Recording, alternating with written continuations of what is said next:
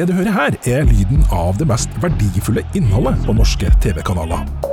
For fotball er en av få ting som fremdeles samler oss rundt skjermene for å se ting når de skjer live. Prisen på fotballrettigheter er derfor mangedobla de siste årene, og norske TV-kanaler har ikke lenger nok penger til å konkurrere med internasjonale selskap. Vi spør oss om fotballrettighetene er i ferd med å forlate Norge for godt. Og Mediepanelet skal snakke om mulla Krekar-saken, og hvordan norske media har håndtert den. Du hører på Mediemagasinet Kurer, og jeg heter Lars Erik Ertsgaard Ringen. Og spilte i 67 minutter. Og her står han etter kampen og smiler og klapper. Og grunnen til at han eh, holder på sånn som dette, det er at Sheffield United-fansen de har bare trykket han eh, til eh, sitt hjerte og sine bryst med en gang. Uh, og vi har fått... Det er jo de som har betalt for han. Norske fotballfans er ekstremt anglofile. Og i de siste ti årene er det TV 2 som har gitt folk som heier på et engelsk lag, muligheten til å se Premier League-kampene på TV. Men for noen få dager siden kom nyheten om at det internasjonale selskapet Nordic Entertainment Group, eller NENT som det også heter, tar over den attraktive rettigheten fra 2022. Og Det betyr at engelsk fotball forsvinner fra TV 2 om to år. Vi kjente på skuffelsen i TV 2 da vi fikk den beskjeden. Vi har levd med Premier League i ti år, og det er en satsing vi har lagt ned mye engasjement i, og som vi bryr oss eh, veldig mye om. Og da er det lov å kjenne at det er litt trist at vi ikke skal ha den rettigheten lenger, eh, akkurat eh, den dagen der.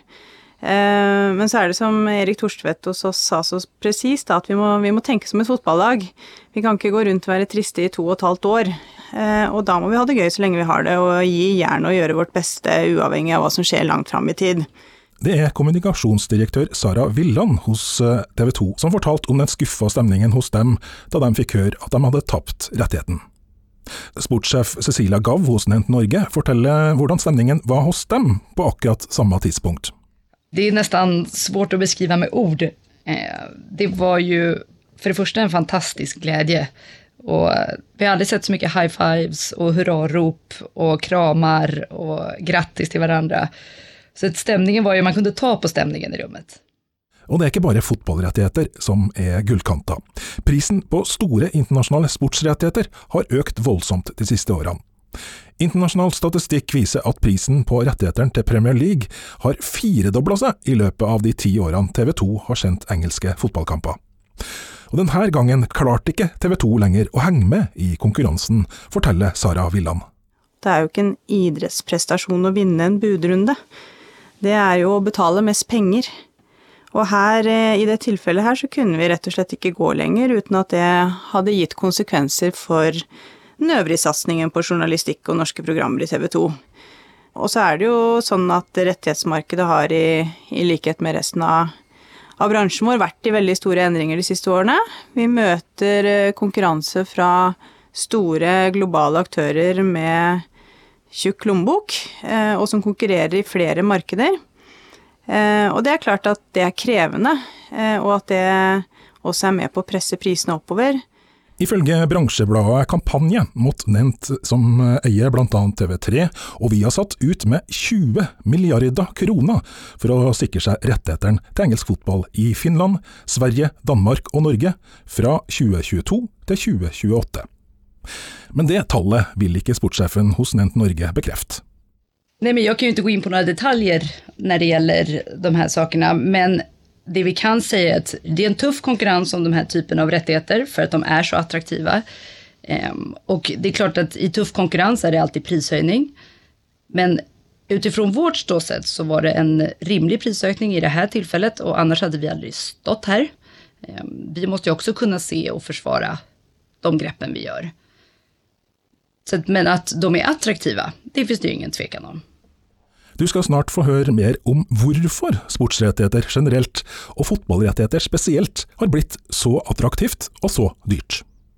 Men først vil jeg gjerne høre hva sjefredaktør Gard Michaelsen i E24 tenker om at det blir mer og mer vanlig at norske TV-kanaler mister rettighetene sine til internasjonale selskap. Nei, Det signaliserer jo som, som vi har sett, altså liksom at det blir gradvis, stadig større aktører som må til for å kjøpe de rettighetene. Altså Det har jo liksom gått gradvis fra at en gang i tida hadde NRK det, og så har det vært via Kanal Pluss og så TV 2, og nå må det da gå til NEN som må kjøpe det for hele Norden. Så du må ha større og større muskler for å eie de her store rettighetene. Eh, det signaliserer jo at det fortsatt finnes nordiske aktører som kan kjøpe det. For TV 2 er det jo synd å miste det. Men det trenger ikke å bli noe veldig mye dårligere, eh, veldig mye dårligere tilbud til seerne. Det kan bli vel så bra, kanskje bedre. Eh, og så er det jo bra for nordisk TV-produksjon og nordisk måte, mediebransje at det finnes aktører i Norden som kan kjøpe det. At ikke det går rett til Amazon eller Facebook. Sjefredaktøren i E24 skjør at engelsk fotball har gått fra å være en lønnsom del av TV 2s drift, til å bli for dyrt på kort tid. Så går tilbake noen fem til ti år, så var jo fotball kjempegod butikk, engelsk fotball kjempegod butikk for TV 2. De kunne kjøpe det til en forholdsvis grei pris og tjene ganske greie penger på det. Eh, så har det gradvis blitt mindre og mindre. og i inneværende periode så har man jo stilt spørsmålstegn om det helt tatt har vært lønnsomt. Eh, og det er nok det TV 2 har sett, at de kan ikke, altså de kan ikke, de kan ikke kjøpe engelsk fotball til enhver pris, og i hvert fall ikke gå i minus på det. For litt siden så lovde jeg deg å forklare nærmere hvorfor fotballrettigheter har hatt en så enorm prisøkning de siste årene. Sportssjef Cecilia Gav hos Nent Norge forklarer at det handler om at sport snart er det eneste som samler oss rundt TV-skjermene, for å se ting samtidig som det skjer. Det finnes jo få saker som engasjerer så bredt som sport faktisk gjør. Og sport er jo en av de unike eventene som faktisk er absolutt mest spennende live. Det er ikke like spennende å se når du redan vet hvilket lag som vinner. Så det er klart at det drar jo så enormt engagemang, både live eh, og framfor alt så är det sånn passion inom sport, oavsett hvilken gren det er. Så det er noe som forener der ute. Det får å skratte, og det får lykkekänslor, det får folk å gråte. Det er noe helt spesielt. Sjefredaktør Gard Michaelsen i E24. Det er noe alle vil se når det skjer. Eh, det er, noe, det er noe seerne vil ha live. Og vi er jo i tid der du kan Det meste av innhold på TV kan du se når du vil, og fra andre steder. Det er stadig færre som ser på lineær TV, det er stadig færre grunner til å gjøre det. Det er stort sett nyheter og sport som er igjen. Eh, som, som ting du må og i stor grad liksom velge lineær TV for, eller velge de tradisjonelle TV-selskapene. Så liksom det å ha de største sportsrettighetene har blitt et av de viktigste gullene for de kanalene å ha og det er betalingsvilje for det. Ja, Så spørs det da om Gard Micaelsen har rett i at det finnes betalingsvilje der ute. Vi trenger å snakke med en som er over gjennomsnittet opptatt av engelsk fotball. Liverpool virker farlig hver eneste gang de kommer nå. Mitt navn er Tore Hansen, er daglig leder i Leopold Liverpool supporterklubb. Vi har eh, over 1% av Norges befolkning nå som eh, medlem i supporterklubben. 54 500 medlemmer. og Personlig så kommer jeg fra, fra Farsund på Sørlandet.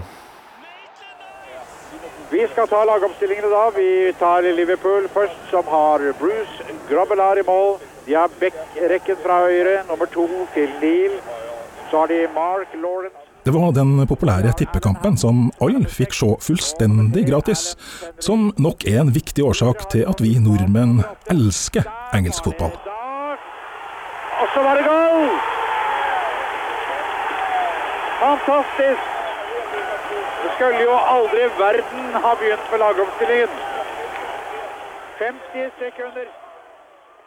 Det er klart at uh, det som skjedde på skjermen og, og tippekampen uh, var en veldig stor faktor. Det er ikke til å komme unna fra, og det tror jeg har betydd mye for flere generasjoner nordmenn egentlig, som uh, den dag i dag følger engelsk fotball tett.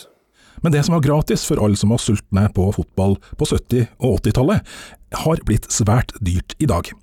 Er du tilhenger av et fotballag du gjerne vil følge på TV, vil det koste deg mange hundre kroner i måneden. Tore Hansen følger altså Liverpool.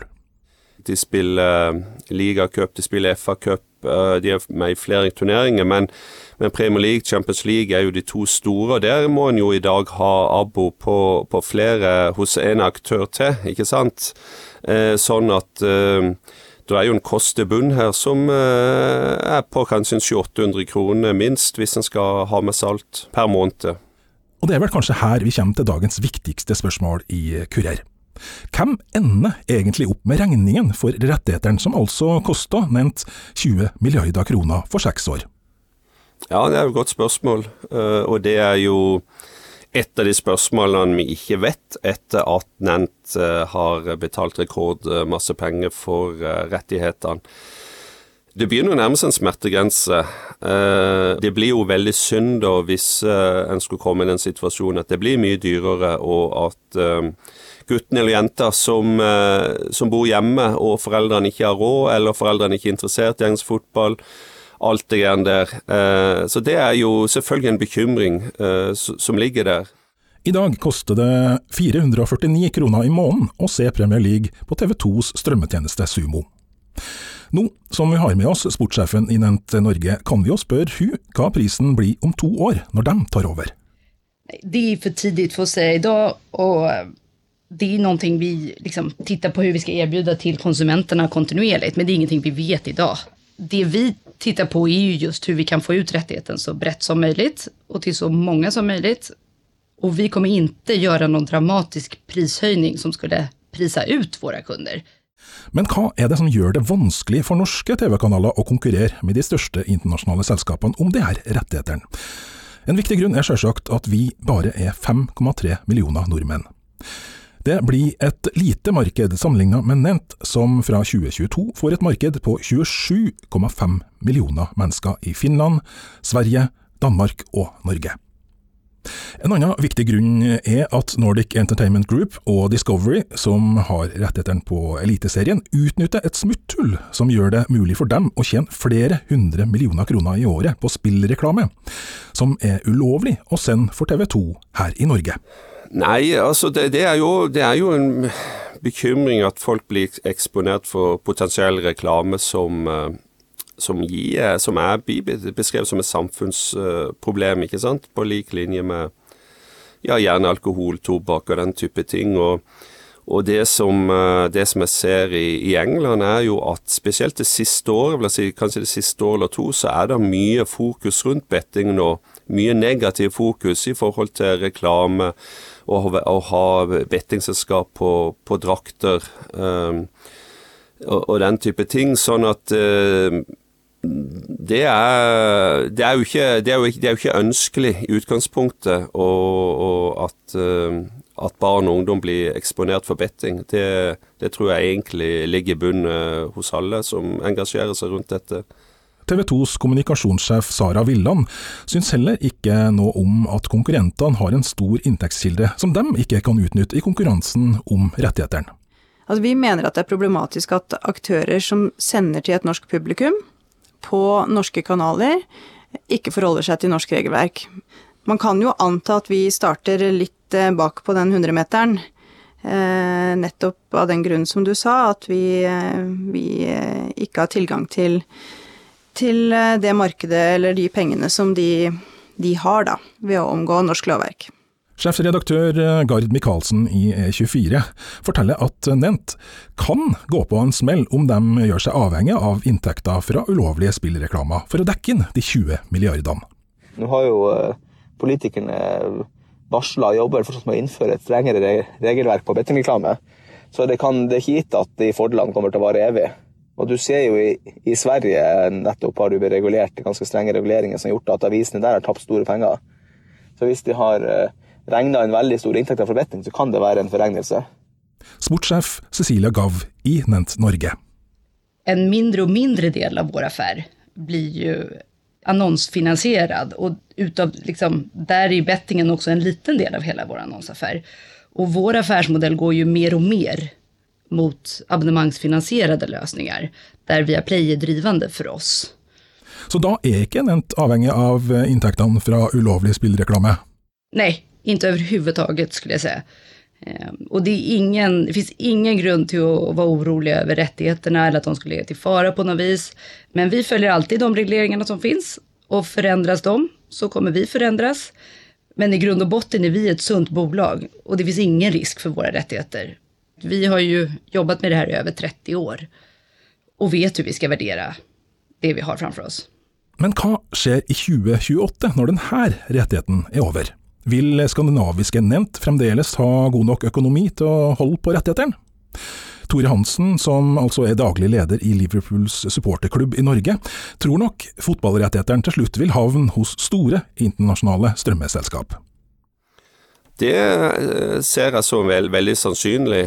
I denne sesongen så har, har jo Amazon kjøpt opp rettigheter i England, og for første gang så må engelskmenn se på, på stream eh, for å se fotball, ikke sant? Eh, altså ikke vanlig lineær-TV som de har vært vant med. Så det jo, ser jeg jo på som et eksperiment, og at en eller annen stor global aktør, eller eventuelt Premier League sjøl, har eh, rettighetene om ti år til. Det ser jeg nesten som mer sannsynlig enn usannsynlig.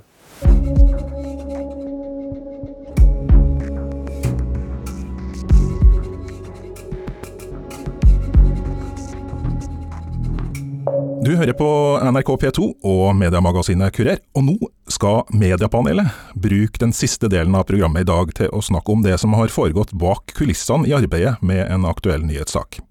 Og Den saken jeg har tenkt å snakke om i dag, er en sak som har fått enormt mye fokus i norske medier i hele 18 år.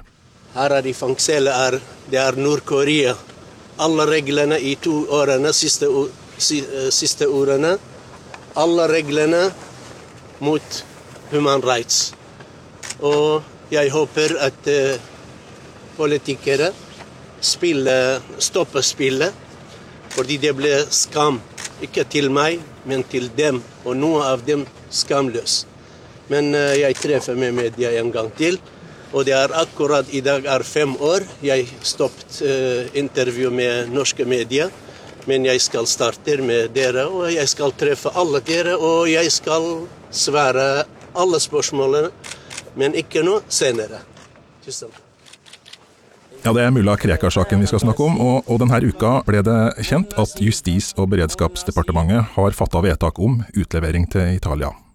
Her i studio i Trondheim har jeg fått besøk av to erfarne deltakere i panelet. Terje Eidsvåg fra Adresseavisen og Lars Østerått eh, som er redaktør i Trønderbladet og Oppdalingen. Og i Oslo så har vi med oss eh, krimreporter Olav Døvik fra Dagsrevyen. Olav, du har fulgt denne saken i mange år.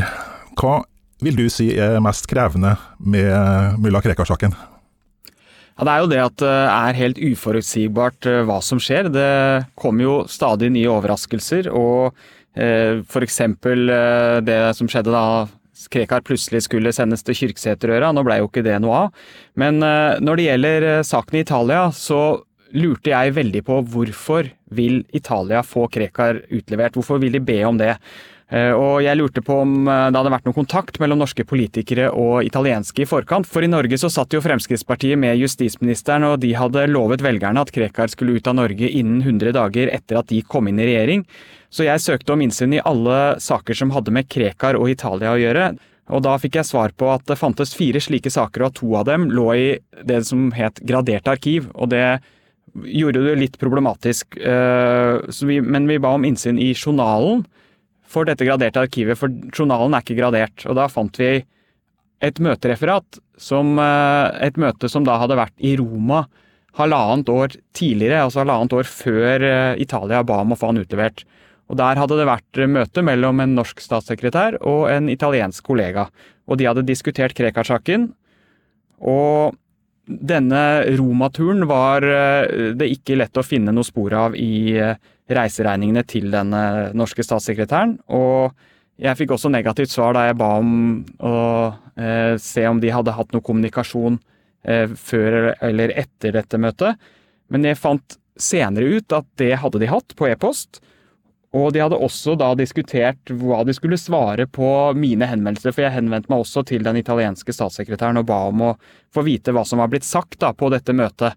Og det har vi ennå ikke fått helt klarhet i, men det skaper jo en slags mistanke om at man har forsøkt å bruke utleveringsinstituttet til noe som det egentlig ikke skal brukes til. For det er jo eh, laga sånn at et land skal kunne hente en person hvis de mener han har gjort noe straffbart og har rømt eh, til et annet land. Men det skal ikke være et land som skal på en måte henvende seg til et annet land og be om at de skal be om en, få en person utlevert. Så det virker som om det kanskje er blitt gjort litt sånn motsatt vei her, da. Men det vet vi ennå ikke helt sikkert. Føler du at det er noen som har prøvd å gjøre jobben din vanskelig her? Det har i hvert fall ikke vært så lett å finne ut av dette her. Det har det ikke. Det er, det er en del ting med den saken her som, som virker eh, ja, litt spesielt, da. Lars Østrått og, og Terje Eidsvåg, eh, hva tenker dere om det dere hører nå? Eh, sett i lys og sett i sammenheng med uttalelsene som uh, justispolitisk uh, talsmann i Fremskrittspartiet ga til NTB når nyheten her ble kjent. Det er ikke så overraska over at Per-Willy Amundsen omtalte det her som en gledens dag når denne nyheten kom, men på slutten av det intervjuet med NTB så sier han at uh, vi er trygge på at dette ikke hadde skjedd uten at Fremskrittspartiet hadde vært med i regjering. Uh, der syns jeg han reiser noen interessante spørsmål om hvorvidt uh, det norske rettssystemet fungerer annerledes med og uten Fremskrittspartiet i regjering. Det åpner, åpner, for noen spørsmål, men hele saken her er jo en, men, er jo en spektakulær si det, Den ballen rulla jo videre på Dagsnytt 18, der Brynjar Melding, som er advokaten til Krekar, sa, sa noe fall at han var veldig glad for at uh, Amundsen der sa at det var en politisk seier, for det skal han bruke videre i, i sine ankemuligheter. Men her er det jo veldig sterke interesser som prøver å trekke saken i hver sin ende. Hvor krevende er det å være journalist oppi det her? Eh, det, man merker jo også at uh, kanskje ikke bare politikere og folk flest, men også sikkert en del journalister har blitt lei av den saken her. Uh, det er nok det lange perspektivet der. Den første meningsbærende saken i min avis, Adresseavisen, om mulla Krekar, sto på trykk 15.1.2003 med tittelen 'En mulla til besvær'. Man kan vel si at den, har, den står seg fortsatt. Profetisk. Så, så, noe av det her er nok også den der utholdenheten, og også se på de prinsipielle når du får får den politiseringa også i etterkant av den nyheten om at, uh, at uh, man ønsker å utlevere til Italia. Men, det har jo vært så himla mange saker. Altså Det har vært så mange forskjellige rettssaker og instanser og tiltaler at jeg har jo gått i surfe lenge siden. Har det vært en av utfordringene her, Olav? At uh, det har blitt så mye?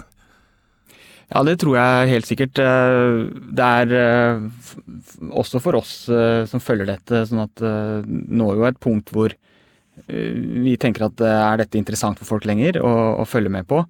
Eh, men så har det jo også vært en del vendinger som har vært veldig overraskende, og da, da vil jo folk lese om det, selvfølgelig. Og Journalistisk er det også interessant at når denne saken først dukka opp i Norge i 2002, i, bak, i etterkant av 9-11 eh, i USA, eh, så var det jo Erna Solberg som var kommunalminister når Krekar-saken starta. Og så har jo Fremskrittspartiet gjennom en rad eh, justispolitiske talsmenn lagt mye prestisje i saken her. Man hadde jo det underlige mellomspillet med, med Kyrksæterøra i 2015. det hadde jo vært nesten enda rarere i dag, mm. for i dag har de skifta, blitt en del av Heim kommune. så man kunne hatt slagordet 'mulla Krekar skal heim', men, men, men, men det, det, er noe med den der uh, dimensjonene knytta også til personer og politisk prestisje i den saken her som gjør at den er interessant mm. å diskutere journalistisk. Ja, Det er sterke interesser i denne saken. Hvordan tenker du som journalist oppi det her, for å unngå å falle for PR-strategier? Ja, det er i hvert fall vår jobb å prøve å gå inn og avdekke hva som egentlig har skjedd. Uh, og vi prøver jo både å, å sjekke ut om eh, ting som taler for Krekar, og ting som taler mot Krekar, selvfølgelig, når vi går inn og, og sjekker disse tinga. Og så er det jo, i hvert fall i denne saken, tror jeg mye som ikke ville ha kommet fram hvis ikke pressen hadde presset på da, for å få ting ut.